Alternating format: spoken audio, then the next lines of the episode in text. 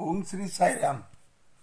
Professor Anil କୁମାରଙ୍କ ସାଇ ଜ୍ଞାନମୁକ୍ତା ସତ୍ସଙ୍ଗ। ବାବାଙ୍କ ଛାତ୍ରମାନଙ୍କ ସହ କଥୋପକଥନ। ପାର୍ଟ ଫୋର୍ଟିନ୍ ଏର ଓଡ଼ିଆ ଅନୁବାଦ। ଭଗବାନଙ୍କୁ ପ୍ରାର୍ଥନା କରି ତାଙ୍କର ଏଠାରେ ଥିବା ସମସ୍ତଙ୍କ ପାଇଁ ଆଶୀର୍ବାଦ ଭିକ୍ଷା କରି ମୁଁ ଏହି ସନ୍ଧ୍ୟା ଅଧିବେଶନକୁ ଜୁନ୍ ଦୁଇହଜାର ଏକ ଠାରୁ ଆରମ୍ଭ କରୁଛି। ପ୍ରଥମ ଆଲୋଚ୍ୟ ବିଷୟ ମୂଲ୍ୟବୋଧର ଅଧପତନ। ଏହା ଏକ ପୌରାଣିକ କଥା। ମୁଁ ଜାଣିନି ତୁମ ଭିତରୁ କେତେଜଣ ରାମାୟଣ ଜାଣିଥିବ। ଦଶରଥଙ୍କର ଦିବ୍ୟ ସନ୍ତାନର ଏକ ବୀରତ୍ୱ କାହାଣୀ। ତୁମ ଭିତରୁ କେତେଜଣ ଜାଣିଥିବ ମହାଭାରତ ବାବଦରେ ପାଣ୍ଡବ ପାଞ୍ଚ ଭାଇ କୌରବ ଶହେ ଜଣଙ୍କ ମଧ୍ୟରେ ଘମାସାନ ଯୁଦ୍ଧ? ମାତ୍ର ତୁମେମାନେ ଏଠି ଭଗବାନଙ୍କ ଦିବ୍ୟ ସମ୍ଭାଷଣ ଅନେକ ବାର ଶୁଣିଥିବାରୁ ଏହା ମୋର ନିର୍ବୋଧତା ହେବ ଯଦି ମୁଁ ଭାବେ ତୁମର କୌଣସି ଜ୍ଞାନ ନାହିଁ ବୋଲି। ମୁଁ ଏତେ ବୋକା ନୁହେଁ। ତୁମର ରାମାୟଣ ଉପରେ ନିଶ୍ଚୟ କିଛି ଧାରଣା ଥିବ। ଦିନକର କଥା ଭଗବାନ ତାଙ୍କର ସାକ୍ଷାତକାର ସାରି ସନ୍ଧ୍ୟା ସମୟରେ ତାଙ୍କର ଚୌକିରେ ବସିଥାନ୍ତି। ତାପରେ ନିରାଶ ଭାବରେ କହିଲେ ଆଜିକାଲି ଧାରଣା ସବୁ ବିକୃତ। ଆଚରଣ ସବୁ ଅନୁପଯୁକ୍ତ। ସ୍ନେହ ଶ୍ରଦ୍ଧା ନିଖୋଜ। ସମୟ ବଦଳି ଯାଇଛି। ଲୋକମାନଙ୍କ ମାନସିକତା ଏବଂ ମନୋଭାବ ଅତ୍ୟନ୍ତ ନୈରାଶ୍ୟଜନକ। ଅତୀତ ଠାରୁ ସେମାନେ ପୁରା ଅଲଗା। ଏହା ଭଗବାନଙ୍କ ପ୍ରାରମ୍ଭିକ ମନ୍ତବ୍ୟ ଥିଲା। ତାପରେ ଭଗବାନ ତାଙ୍କ ସତ୍ୟତାର ପ୍ରମାଣ କରିବାକୁ ଚାହିଁଲେ। ଏ ଦେଶର ପୌରାଣିକ ତଥ୍ୟ ଦେଇ ଭଗବାନ କହିଲେ ପ୍ରାଚୀନ କାଳରେ ସମାଜରେ ମୂଲ୍ୟବୋଧ ଏକ ଗୁରୁତ୍ୱପୂର୍ଣ୍ଣ ଭୂମିକା ଗ୍ରହଣ କରୁଥିଲା। ଲୋକମାନେ ମୂଲ୍ୟବୋଧକୁ ଏକ ଉଚ୍ଚ ସ୍ଥାନ ଦେଉଥିଲେ। ମାତ୍ର ଆଜି ମୂଲ୍ୟବୋଧ ନିମ୍ନଗାମୀ। ଭଗବାନ ଦଶରଥଙ୍କ ତିନି ସ୍ତ୍ରୀଙ୍କ କଥା ରାମାୟଣରୁ ଉଦ୍ଧୃତ କଲେ। ବାବାଙ୍କ ଭାଷାରେ ରାଜାଙ୍କ ତିନୋଟି ଯାକ ସ୍ତ୍ରୀ ତାଙ୍କ ସମ୍ପର୍କରେ ଏପରି ଅନ୍ତରଙ୍ଗ ଥିଲେ ଯେପରି ସେମାନେ ଗୋଟିଏ ମାଆର ସନ୍ତାନ। ଭଗ୍ନୀ ଭଳି ତାଙ୍କର ବିଚାରଧାରା ଥିଲା। ତାଙ୍କ ଭିତରେ କୌଣସି ପ୍ରତିଯୋଗିତା ନଥିଲା। ତାଙ୍କ ଭିତରେ ପ୍ରେମ ଏବଂ ଏକତା ଥିଲା। ତାପରେ ଭଗବାନ ରାମ ଲକ୍ଷ୍ମଣ ଭରତ ଓ ଶତ୍ରୁଘ୍ନ ଚାରି ଭାଇଙ୍କ ବିଷୟରେ ରାମାୟଣ ମହାକାବ୍ୟରୁ କହିଲେ। ରାଜା ଦଶରଥଙ୍କୁ ତିନୋଟି ପତ୍ନୀ ବିବାହ କରିବାକୁ ପଡ଼ିଲା। କାରଣ ତମ ତାଙ୍କର ପ୍ରଥମ ପତ୍ନୀଙ୍କର କୌଣସି ସନ୍ତାନ ନଥିଲା। ପ୍ରଥମ ପତ୍ନୀ ରାଜାଙ୍କୁ ପ୍ରାର୍ଥନା କଲେ ଦ୍ୱିତୀୟ ସ୍ତ୍ରୀ ଗ୍ରହଣ କରିବାକୁ। କାରଣ ରାଜସିଂହାସନ ପାଇଁ ଜଣେ ଉତ୍ତରାଧିକାରୀ ଦରକାର। ତାଙ୍କର ପ୍ରାର୍ଥନାର ଉତ୍ତରରେ ରାଜାଙ୍କୁ ଦ୍ୱିତୀୟ ବିବାହ କରିବାକୁ ପଡ଼ିଲା ମାତ୍ର ଦ୍ୱିତୀୟ ପତ୍ନୀଙ୍କ ମଧ୍ୟ କୌଣସି ସନ୍ତାନ ହେଲା ନାହିଁ। ଦୁଇଟି ଯାକ ରାଣୀ ରାଜାଙ୍କୁ ପ୍ରାର୍ଥନା କଲେ ଆଉ ଥରେ ବିବାହ କରିବା ପାଇଁ। ସେଥିପାଇଁ ସେ ଆଉ ଥରେ ବିବାହ କଲେ। ଏହିପରି ଭାବରେ ତାଙ୍କର ତିନୋଟି ପତ୍ନୀ ହେଲେ। ପ୍ରଥମ ପତ୍ନୀଙ୍କ ନାମ କୌଶଲ୍ୟା ଦ୍ୱିତୀୟ ପତ୍ନୀଙ୍କ ନାମ ସୁମିତ୍ରା ଏବଂ ସବୁଠୁ ଛୋଟ ପତ୍ନୀଙ୍କ ନାମ କୈକେୟୀ। ନିଃସନ୍ତାନ ଥିବାରୁ ରାଜା ଗଭୀର ଭାବରେ ହତାଶ ହେଲେ।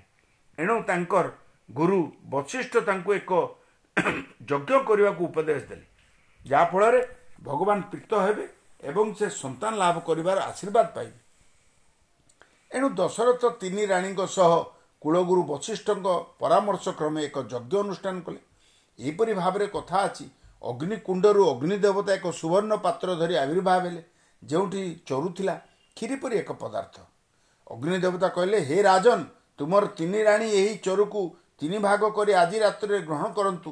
ସେମାନେ ସନ୍ତାନ ଜାତ ହେବ ସେମାନଙ୍କ ସନ୍ତାନ ଜାତ ହେବ। ଏହାପରେ ଅଗ୍ନି ଦେବତା ଅନ୍ତର୍ଧ୍ୟାନ ହୋଇଗଲେ। ରାମଙ୍କ ଜନ୍ମ। ରାଜା ଦଶରଥ ତିନୋଟି ସୁବର୍ଣ୍ଣ ପାତ୍ର ମଗେଇ ଚାଉଳ କ୍ଷୀରିକୁ ତିନି ଭାଗରେ ବିଭକ୍ତ କଲେ। ତିନି ରାଣୀଙ୍କୁ ଡକେଇ ପ୍ରାର୍ଥନା କରି କ୍ଷୀରିତକ ଖାଇବାକୁ ପରାମର୍ଶ ଦେଲେ ଯାହାଫଳରେ ସେମାନେ ସନ୍ତାନବତୀ ହୋଇପାରିବେ। ତାପରେ ତିନୋଟି ଯାକ ରାଣୀ ମୁଣ୍ଡ ଧୋଇ ଚରୁ ଖାଇବାକୁ ପ୍ରସ୍ତୁତ ହେଲେ।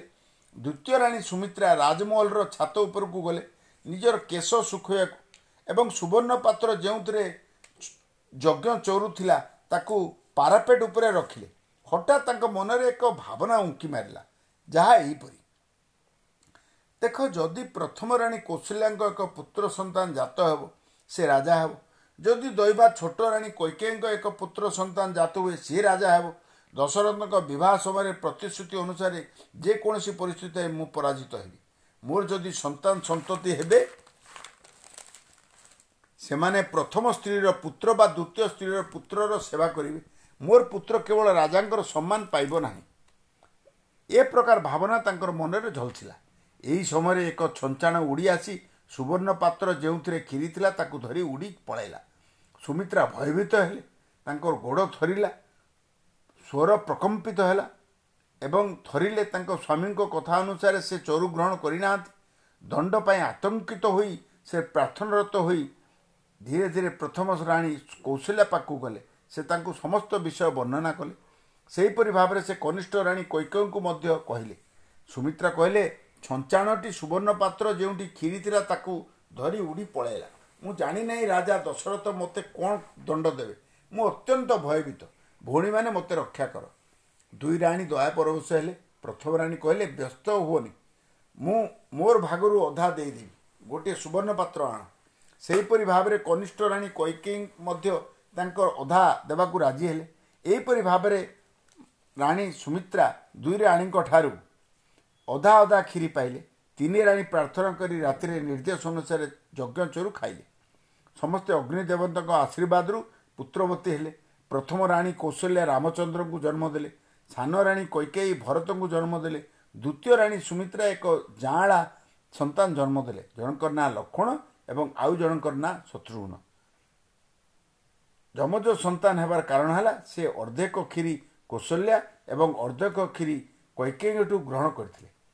ଶେଷ ଆଲୋଚ୍ୟ ବିଷୟ ଦିବ୍ୟ ଯୋଜନା। ବାବା ଏହାକୁ ସ୍ପଷ୍ଟ କରି କହିଲେ ଦେଖ ଏହା ହେଉଛି ଈଶ୍ୱରୀୟ ଯୋଜନା।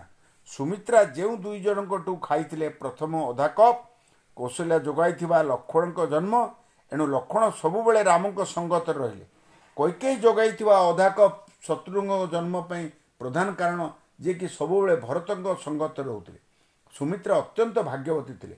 ଯାହାଙ୍କ ଦୁଇଟି ଯାକ ପୁତ୍ର ତାଙ୍କ ଭାଇମାନଙ୍କ ସେବାରେ ନିୟୋଜିତ ଥିଲେ। ଏହା ମଧ୍ୟ ଭଗବାନ ବ୍ୟାଖ୍ୟା କରିଛନ୍ତି। ତୁମେ ସେପରି ଭଲ ପାଇବା ସେ ପ୍ରକାର ଆତ୍ମୀୟତା ସେ ପ୍ରକାର ସହମତି ଏବଂ ବିଚାର ରାଣୀମାନଙ୍କ ଭିତରେ ପାଇବ କି? ତିନୋଟି ଯାକ ପତ୍ନୀ ରାଜାଙ୍କର। ସେମାନେ ନିଜ ଭିତରେ କଳହ କରୁନଥିଲେ। ସେମାନେ ସମ୍ପୂର୍ଣ୍ଣ ସମନ୍ୱୟ ଏବଂ ଏକତାରେ ବାସ କରୁଥିଲେ। ସାଇରାମ ओम शांति शांति शांति